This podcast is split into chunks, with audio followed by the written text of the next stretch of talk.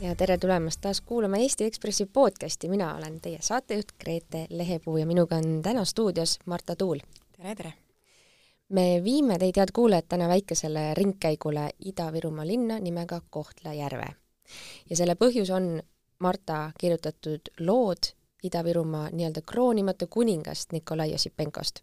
Marta, su lugu, milleni me natukese aja pärast jõuame, aga ma juba ettehoiatavalt ütleks, et on ähm, vajab võib-olla ajakirjanduslikult eetiliselt natuke kaitsmist. oled sa minuga nõus ähm,? Äh, jah, võib-olla küll jah, et see on selles mõttes väga erakordne just seetõttu, et ähm, ajakirjandus tegelikult terviseandmeid ei kajasta ähm,. Sel korral me tegime erandi ja, ja ma, ma arvan, et me jõuame natukese aja pärast nende, miks me selle erandi tegime ja miks me tundsime kindlust ja, ja võib-olla ka siis avalikkuse nõuet. avalikku huvi selle vastu? avalikku huvi äh, kellegi tervise ja, ja, ja et miks, miks, miks me seda tegime, ühesõnaga, et, et miks, miks oli see oluline tegelikult välja tuua ja läbi rääkida, et et äh, sinna jõuame hästi, jõuame selleni hiljeni, hiljem. Kohtla-Järve on olnud uudistes kahjuks siin ikka ja jälle korruptsiooniskandaalidega, aga minule tundub Kohtla-Järve linnana on võib-olla isegi Eesti inimestele tegelikult üsna võõras. ole hea, vii meid väikesele jalutuskäigule, tutvusta meile, mis linn see Kohtla-Järve on? Kohtla-Järve tegelikult äh, võib-olla see on üllatav, aga on enam-vähem sama suur linn, kui on näiteks Pärnu elanik, elanikkonna poolest. Ja, ja tegelikult on äh, see üks selline põlevkivikeskus, eks ole, et, et kõik need, kes on kuidagi otsapidi kokku puutunud õlitööstusega, äh, on, on kas Kohtla-Järvelt või Kohtla-Järve lähistelt, et äh, seetõttu on see linnake Eesti selles mõttes julgeoleku mõttes väga, väga oluline piirkond, et riigi jaoks ka väga oluline, et et inimesed, kes seal elavad, tunneksid ennast äh, hästi hoitud. oled sa käinud Kohtla-Järves Ik-, ikka olen, ikka olen käinud, eks ma olen erinevatel lugude raames käinud kui ka ise käinud Kohtla-Järvel. Kohtla-Järve tegelikult äh, noh, eks see, see hetkel on nüüd väga subjektiivne arvamus, aga minu arust on ta väga huvitav, aga väga ilus linnakene, tegelikult on seda sellist ähm, äh, toredat arhitektuuri seal päris palju alles, mida tasub säilitada ja, ja mida tasub äh, ka nautimas käia, et, et vahel on hea, kui asjad ei arene nii kiiresti, kui, kui, nad võiksid, et, et siis jääb väga palju sellist äh, ilusat ajalugu jääb äh, puutumata, rikkumata. aga sellel armsal linnakesel on oma varjupool ja sageli, paranda mind, kui ma eksin, aga see väljendub selles, kuidas näevad välja need linnatänavad seal nii ta on, et ähm, kui äh, nüüd äh, prokurör Alan Rüütel äh, tõi välja selle, et äh, iga Kohtla-Järve elanik on tundnud korruptsiooni mõju, siis äh, täpselt see, see ongi see, mida Nikolai Ossipenko siis juhtum välja toob. kui on lumi lükkamata, kui su prügikast ajab üle nädalate viisi. kui äh,, kui sa ei saa lapsevankriga mööda kõnniteed sõita, vaid pead minema autoteele, sest et äh, noh, liht-, lihtsalt ei pääse läbi, eks ole.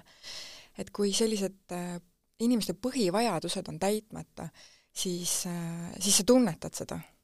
tunnetab iga, iga väiksemgi inimene tunnetab seda korruptsiooni mõju kes selle tänavate puhastamise eest vastutama peaks ja miks need puh puhastamata on? Need on äh,, vot siin me jõuamegi Ossipenko juurde ja tema, tema siis lähikondsete juurde. tema abikaasa on, on ka seotud, eks ole, tema ettevõtetega, praegu ongi siis ähm, just tema abikaasa ettevõte siis ähm, justkui suurema tähelepanu all tegelikult. aga Nikolai Ossipenkol on selles mõttes väga huvitavalt, on ta läbi aastate kasutanud enam-vähem samade tähekombinatsioonidega ettevõtteid. Need ettevõtted on küll muutnud sellist Äh, kas on olnud aktsiaselts või osaühing või äh, sellist juriidilist sellist mängu on seal olnud ähm, korduvalt. Ja, ja tänu sellele juriidilisele mängule on nad ka varasemalt oma siis tõestatud kuritegudest pääsenud, eks ole, et nad on kustutanud ära ettevõtteid äh, ja seetõttu siis ei ole või, olnud võimalik siis Eesti ähm, siis äh, kohtusüsteemil neid vastutusele võtta, aga aga Nikolai Ossipenko praeguses olukorras on äh, tema firma N ja V äh, sattus suurtesse maksuvõlgadesse.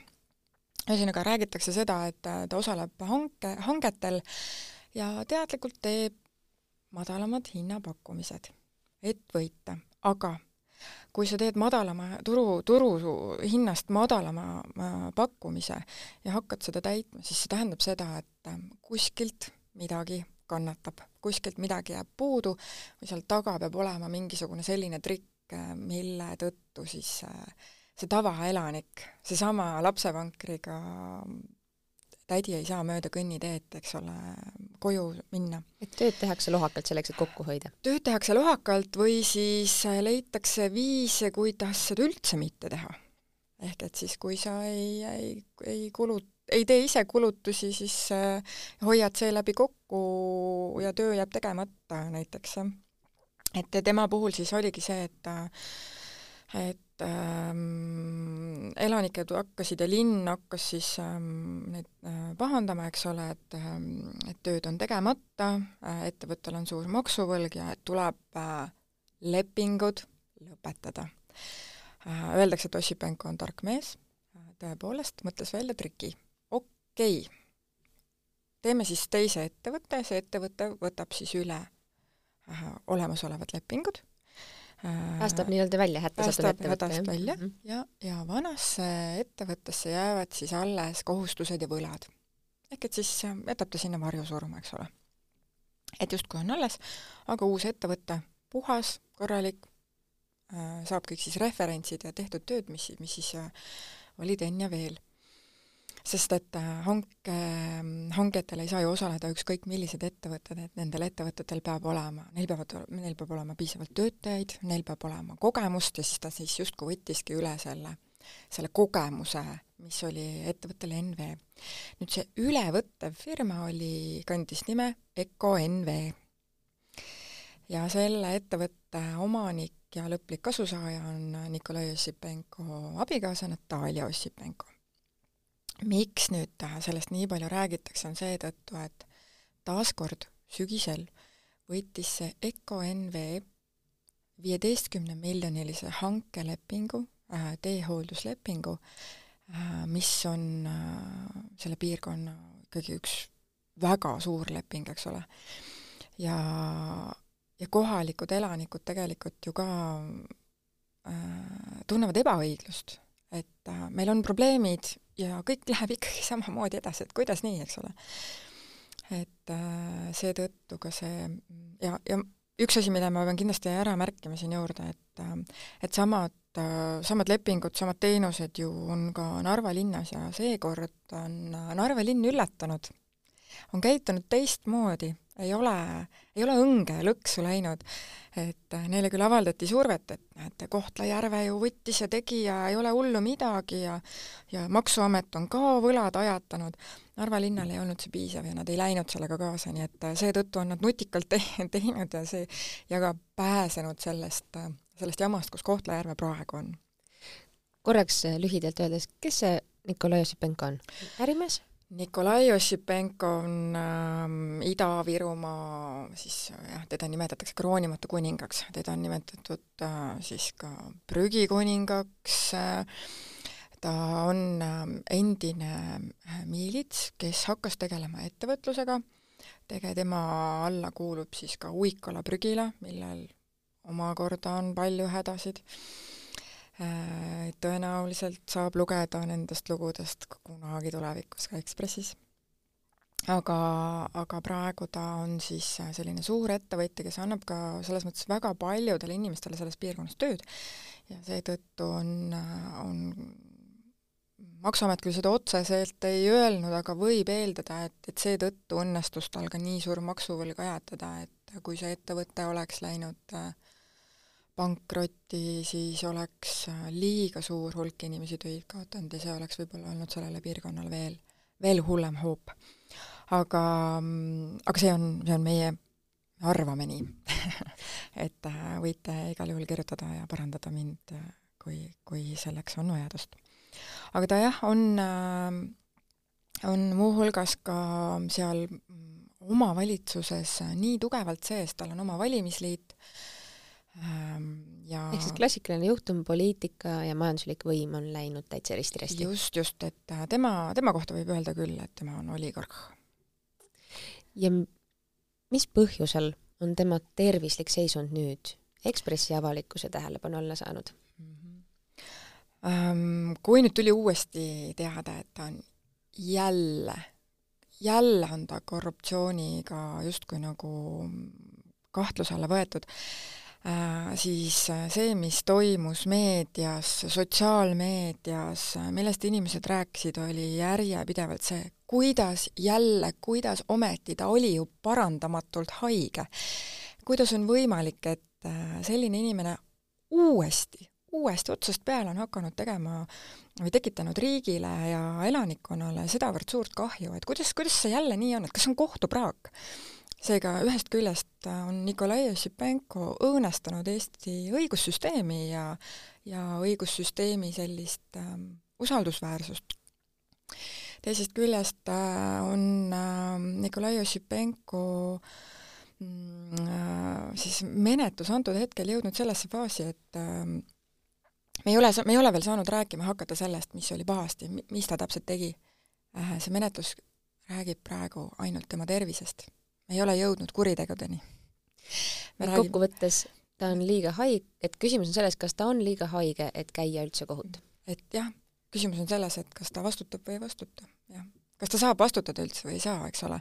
et just see ongi, et äh, see on äh, inimeste õiglustundele sedavõrd suurelt äh, suure riive tekitanud, et äh, et me peame sellest rääkima. seda, sellest on rääkinud ka teised meediakanalid, öelnud, et kuidas, kuidas see võimalik on ja, ja et just see sama menetlus paneb siis Eesti kohtusüsteemi äh, õiguse ja õigluse proovile kas võib, võib niimoodi sõnastada, et küsimus on selles, kas inimese elustiili haigus, mis antud juhul ülim ekstreemne rasvumine on, on vabanduseks on vab kuritegudeks jaa, mhm. et kas, kas see on vabandus selle, selle jaoks, et ta võibki Pääseda. miljonitesse ulatuvat kahju äh, tekitada Eestile ja Eesti elanikkonnale, jah, ja, ja pääseda.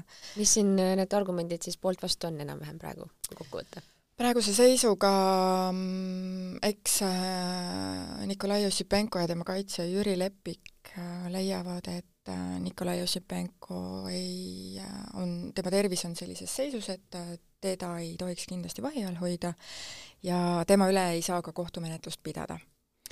Nüüd, teisest küljest, kui nüüd vaadata seda, et mis haigus tal on, tegemist on äh, ekstreemse rasvumisega miks me sellest, selle välja tõime, on seetõttu, et see, see on tõesti elustiili haigus. see on, see on välditav haigus. Äh, sellele haigusele on abi olemas, lahendus on sellele olemas. ja selle kõik muud haigused, mis äh, temal on, on tulnud just sellest elustiili haigusest. Ja, ja siinjuures peab äh, ära märkima, mida ma nüüd küll oma loos ei kirjeldanud, aga selle loo tegemisel suhtlesin ma ka Äh, ekspertidega, ehk et siis meedikutega, kes avalikult selle, selles loos sõna ei võta, aga aga kuna mina ise meedik ei ole, siis, siis selle jaoks ajakirjanikud ikka kasutavad oma eksperte, kes, kes räägivad ja seletavad lahti, mis miskit tähendab. Nüüd nende materjalidega tutvudes leidsid kõik need eksperdid, et tegelikult on Nikolai Ossipenkol hea, kui tal on meditsiiniasutuse järelevalve ja Viru vanglal äh, räägitakse olevat väga hea meditsiiniline äh, siis äh, teenus olevat.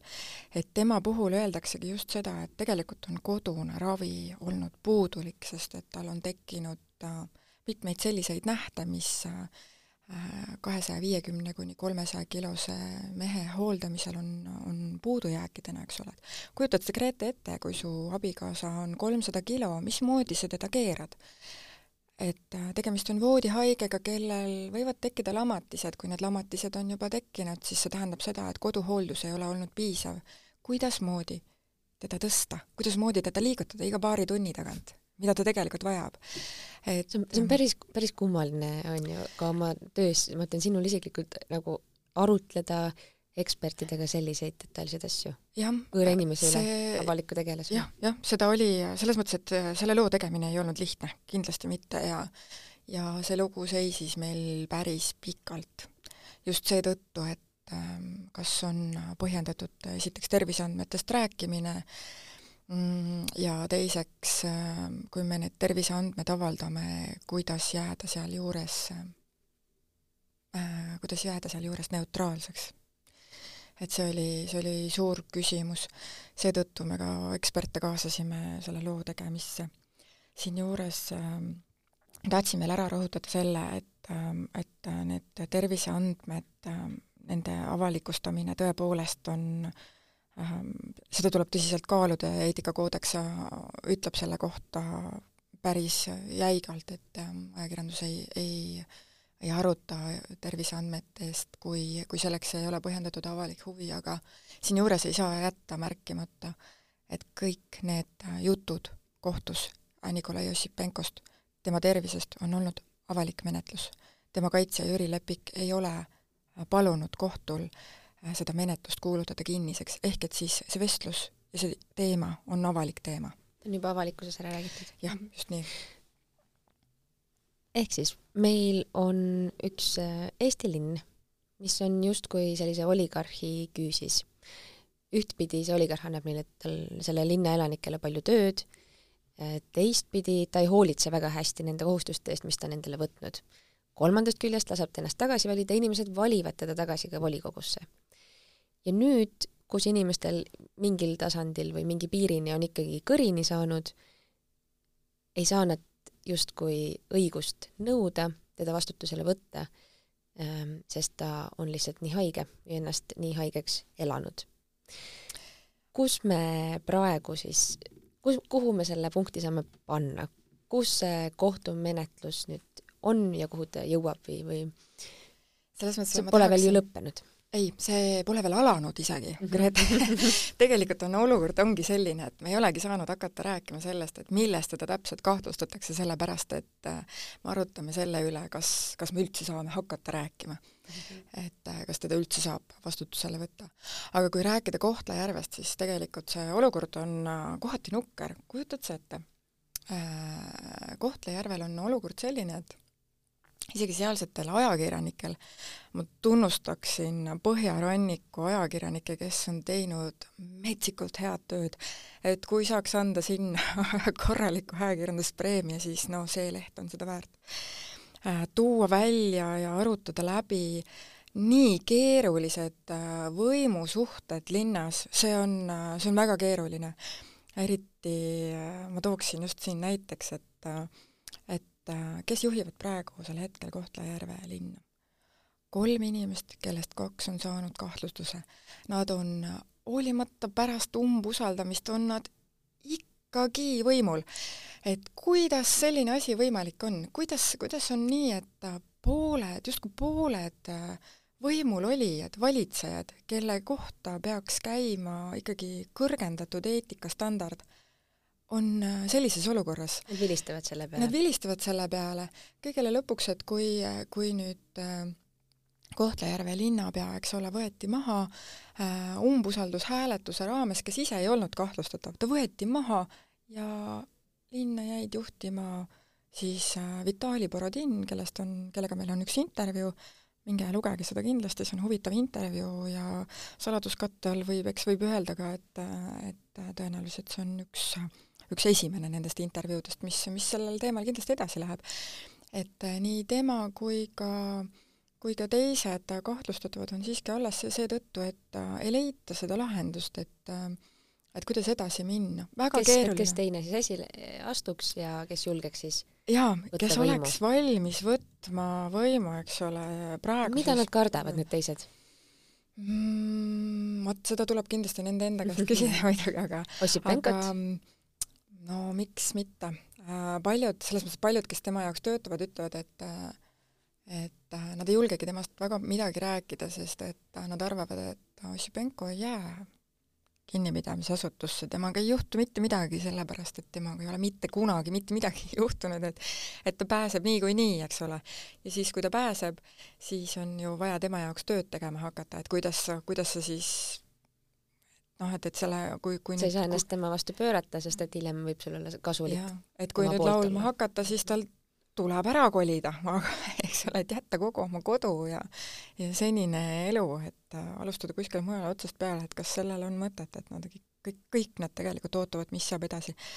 aga et ähm, kes siis jäi alles, on äh,, ongi siis Vitali Borodin ja kui ma ei eksi, siis oli Anton Tiie, kes on praegu alles Kohtla-Järvel ja kes tege-, praeguse siis äh, aselinnapeaga Äh, siis praegu siis seda võimu ikkagi veel, ikka veel jagavad edasi, niikaua kuni leitakse siis uued, uus, uus siis võimuladvik pannakse paika, et on oodata nüüd, et see novembri lõpus juhtub, ma väga loodan, et nad leiavad sinna inimesed, kes võtavad siis kuni uute valimisteni siis selle, need ohjad üle, ega nendelt uutelt inimestelt ei saa oodata, et äh, kõik muutub kohe paremaks, et eks ole, et, et nende need äh, võimu siis niidid jooksevad väga paljudesse erinevatesse kohtadesse edasi, et äh, ma rõhutan siin seda, et prokuratuur on öelnud, et altkäemaks ei ole alati raha, see võib olla äh, tasuv töökoht või midagi muud, eks ole, et kui vaadata nüüd neid linnaettevõtteid ja ka Ossipenko ettevõtete siis äh, juhte ja ja selle neid, neid võimuladvikut, siis ta, tähelepanelik silm märkab, et need kõik on läbi põimunud, need inimesed on äh, erinevatel magusatel positsioonidel ja võib eeldada, et nad nendest niisama lihtsalt lahti ei lase. kurb, aga huvitav, nagu sageli meie lood on. Ehm, jõudu tööle sulle, loodan, et tood põnevaid intervjuusid veel ja, ja saame ka äh, üleriigilises väljaandes seda niidistikku sama tublisti nagu Põhjaranniku ajakirjanikud eh, lahti arutada. Ehm, lugege ikka Ekspressi, aitäh kuulamast ja kuuleme uus, uuesti järgmisel korral.